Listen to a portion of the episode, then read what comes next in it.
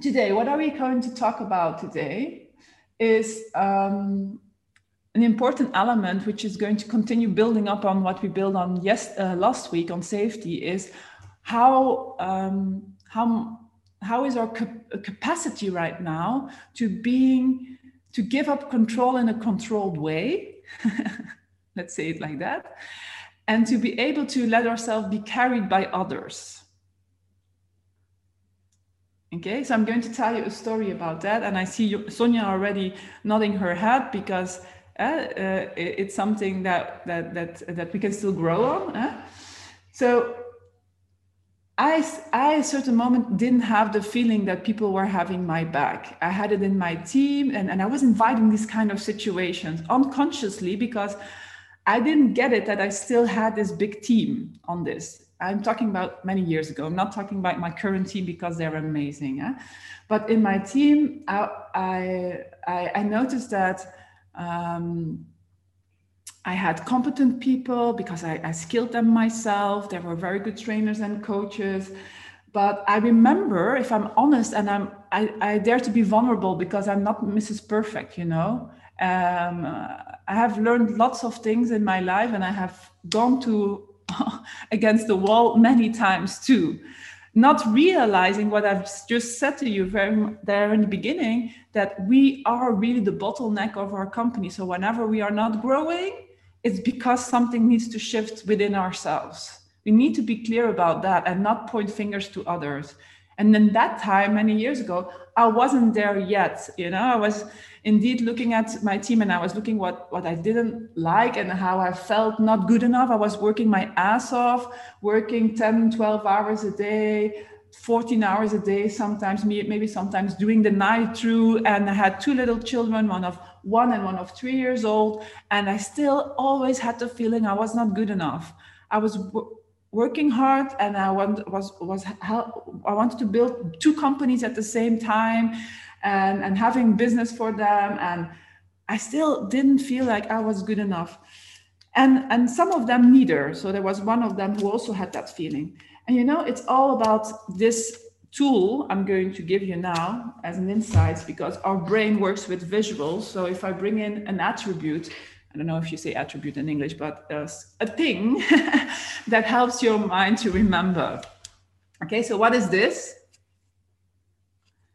It's a meter. Okay, a prop. Thank you. Well, thank you. Thank you. Well, thank you. Well. Dana works also a lot with the people uh, people in the US, so she is uh, amazing in English. One of the things she's amazing in lots of things. So we have I don't know it's it's a two meter, so I needed to have let's say one meter. So this is a one meter. This is one meter. Okay. So which means what? We have a hundred attention points a day, not more. Okay. So we only have this in our brain. Let's say uh, this is what we have in our brain. So whenever what we use up from what we use from our attention point goes away, we don't have it anymore. So if I, for example, spend an hour discussing with colleague entrepreneurs about one of my colleagues that is not perform uh, is not, for example, uh, posting post on the social media of what we were saying, there's this going away I don't have this anymore. I cannot use it anymore for any of my projects I'm doing. If I then uh, at the night, uh, I probably don't. I will. Pro- I, I, if I remember, I didn't even wait till the night. I called my husband to complain again about the same person. I just had an hour with someone else, and I then took an hour with my husband to t- discuss about what I didn't like about the team, and so on. So by the end, I still had 20 points left of my 100 to work on my business. So check check for yourself uh, and, and, and listen to my story and check the whole time with yourself. What do you recognize? Uh, what, what, what you don't recognize, but also just check concerning your own attention points a day. How much are you giving away to others? by thinking about others, by thinking in the mismatch, by thinking what you don't like, also giving away to your own self saboteur inside, to your own mismatcher or judger inside that is telling you this and that and that didn't like that and I don't like that. So I was losing lots of my attention points. And I had I had had three three uh, big confrontations to really make a decision. So my husband said me three times in the night when he was home, he was getting tired, you know. He first of all he's he wasn't at home that much in the night. And then when i was at um, in the night i was always complaining about what you know about that this wasn't the team that i wanted that this is not the business that i wanted i'm working my ass off i'm not getting appreciated etc etc you know? I didn't have feel like they were having my back, and and I was asking things, they were not doing it, la la, you know, and that's why I'm bringing it in because my company was going well you know? I was just looking at what was not there instead of looking at what was okay? So at a certain moment my husband said i saw him you know like you, you, you know this right of, of your partner? They are present but they're not mentally present right? They're physically present but they're not mentally present. So they're like uh uh uh yeah uh-huh. I see lots of you laughing. You, you recognize this, right? So I said to him, Yeah, nice. You're not listening to me, you know? And he said, Yeah, but babe, this is already the, I don't know, you know, maybe the hundredth time that you're telling the same story about the same person.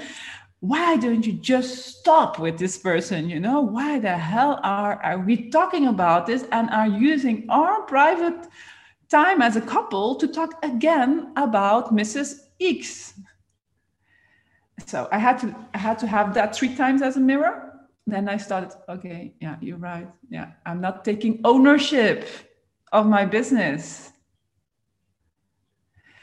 The second thing is when I was a certain time I was uh, being coached by a drama coach and a certain moment it was very clear I brought in the team about I didn't feel people were having my back.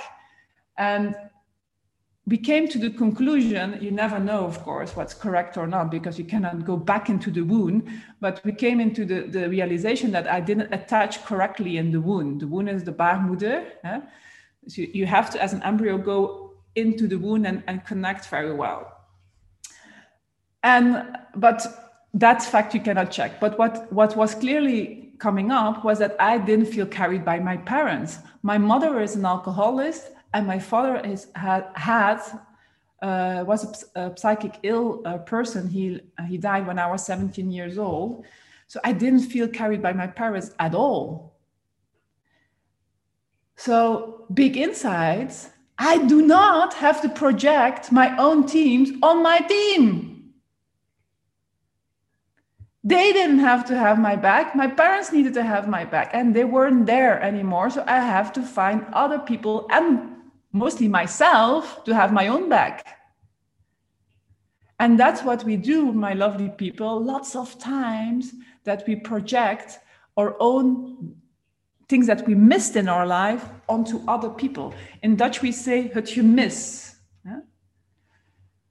That we then start to project it on other people and we want them to fulfill our the things that we missed in our life. How many of you can already find a certain example that you say, you know, yeah, I've probably projected that on other, on someone else, is something, and while it's something that I have to solve myself. How many of you put raise your hand when you have already an example popping up of maybe a lot? Okay, good. The third turning point was I still I still wasn't making any decision. the third uh, turning point was I was together with seven Dutch entrepreneurs in New York and I was crying and and and uh, lots of lots of time I was feeling feeling shit. I remember I came to New York and I was really thinking, why the hell did I get on this air- airplane? I just want to be on an island by myself alone. I don't want to be here in this busy. I was only uh, really in the mismatch and I was realizing by having discussions with these entrepreneurs because it's a mastermind and you know they're you really go going you know and very deep and you just keep on going on each other's team till you crack each other. So they cracked me. and the point was I realized I was doing lots of things because I appreciated, I loved my team so much. Because I was looking before the mismatch, but when I looked at what was there, I loved them like crazy and I didn't want to detach from them. I wanted to detach from one person, but I didn't want to attach, detach from four of them. So the thing was that I was working so hard for them that I lost, I lost myself in the process. I lost myself in the process. And at that moment, I made a decision.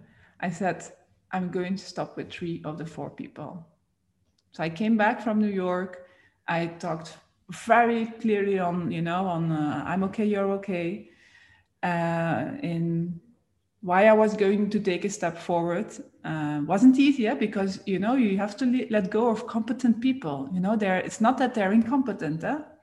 You have skilled them. So that means I didn't have a return on investment yet of all the hours that I had spent to mentor them.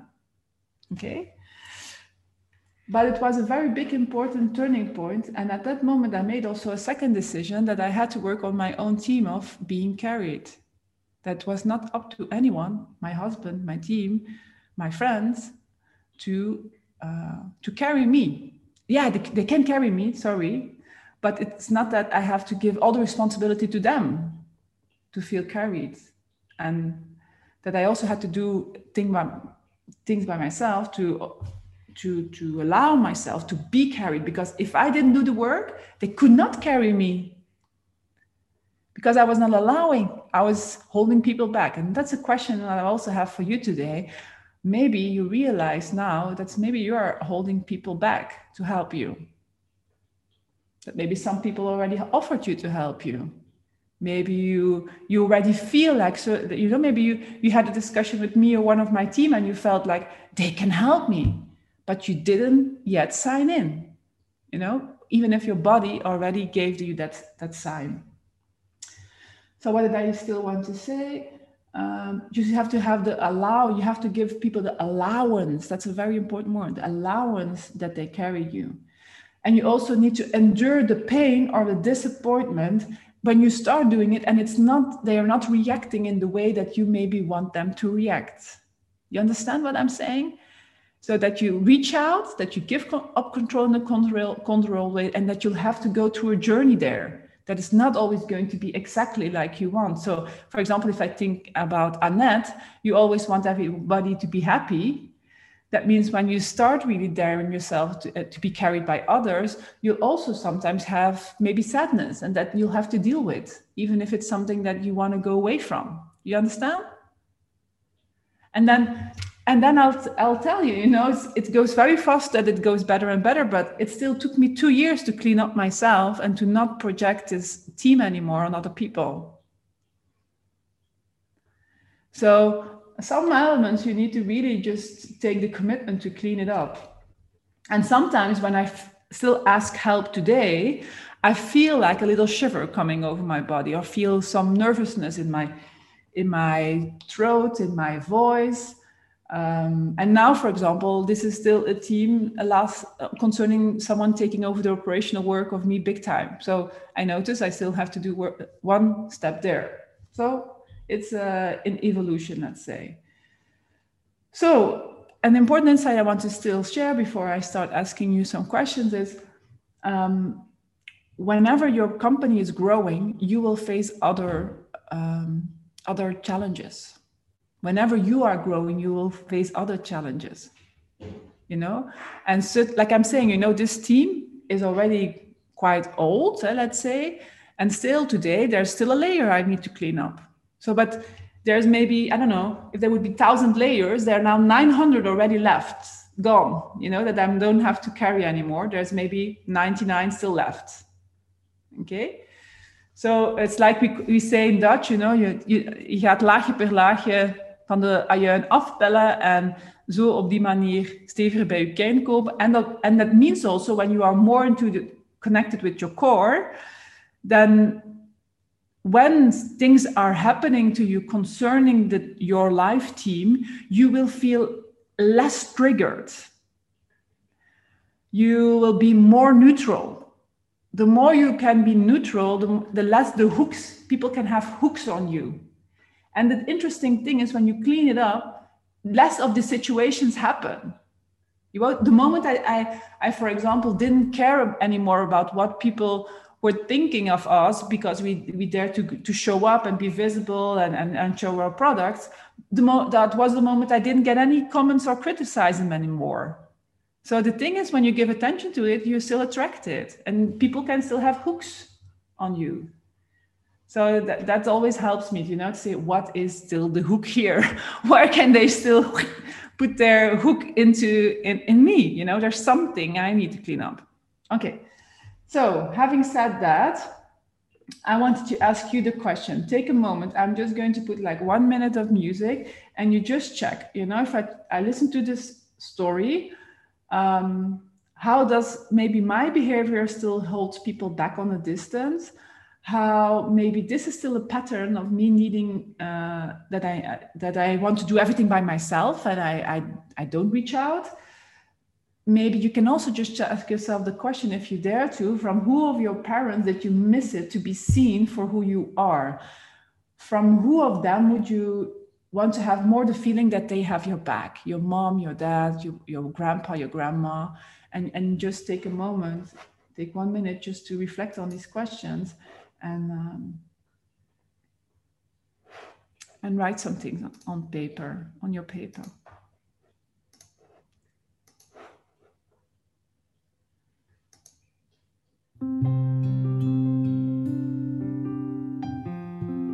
For me, gratitude behind me, gratitude to the left of me, gratitude to the right of me, gratitude above